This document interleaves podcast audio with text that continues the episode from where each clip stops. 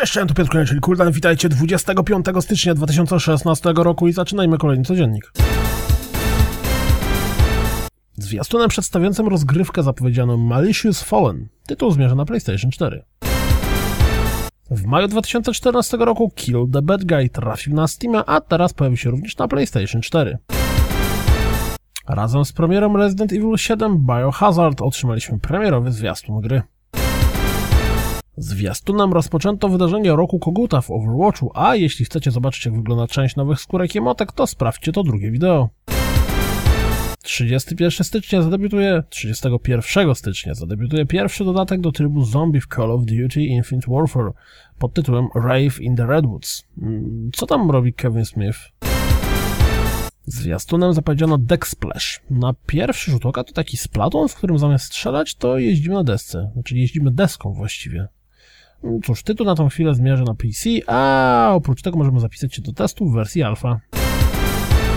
Jeśli chcielibyście poznać dalszą część historii z The Banner Saga, to właśnie ruszyła zbiórka na Kickstarterze na trzeci epizod gry. Cel zbiórki zostanie osiągnięty po przekroczeniu 200 tysięcy dolarów.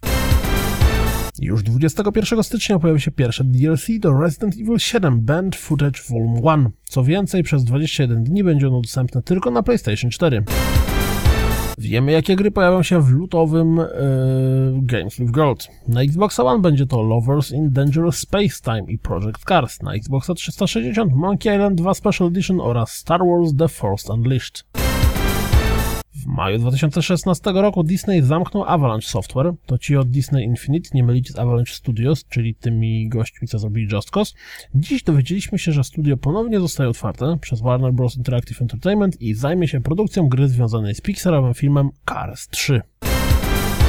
Wiemy, co znajdzie się w zmierzającym DLC do Battlefielda pierwszego. Cztery nowe mapki, armia francuska oraz nowy tryb gry, linia frontu.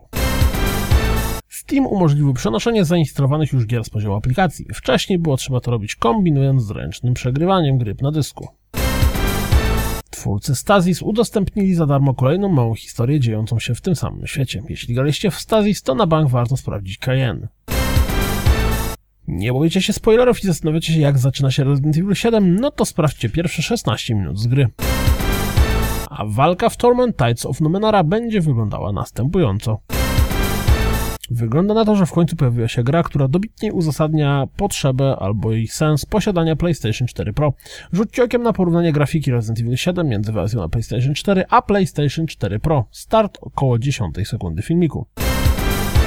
W związku z GDC 2017 pojawił się zwiastun jednej z prezentacji, to też ciekawe zwiastun prezentacji, pokazujący, że zachowanie prompto z Final Fantasy XV było przemyślanym i rozbudowanym zabiegiem związanym z game designem.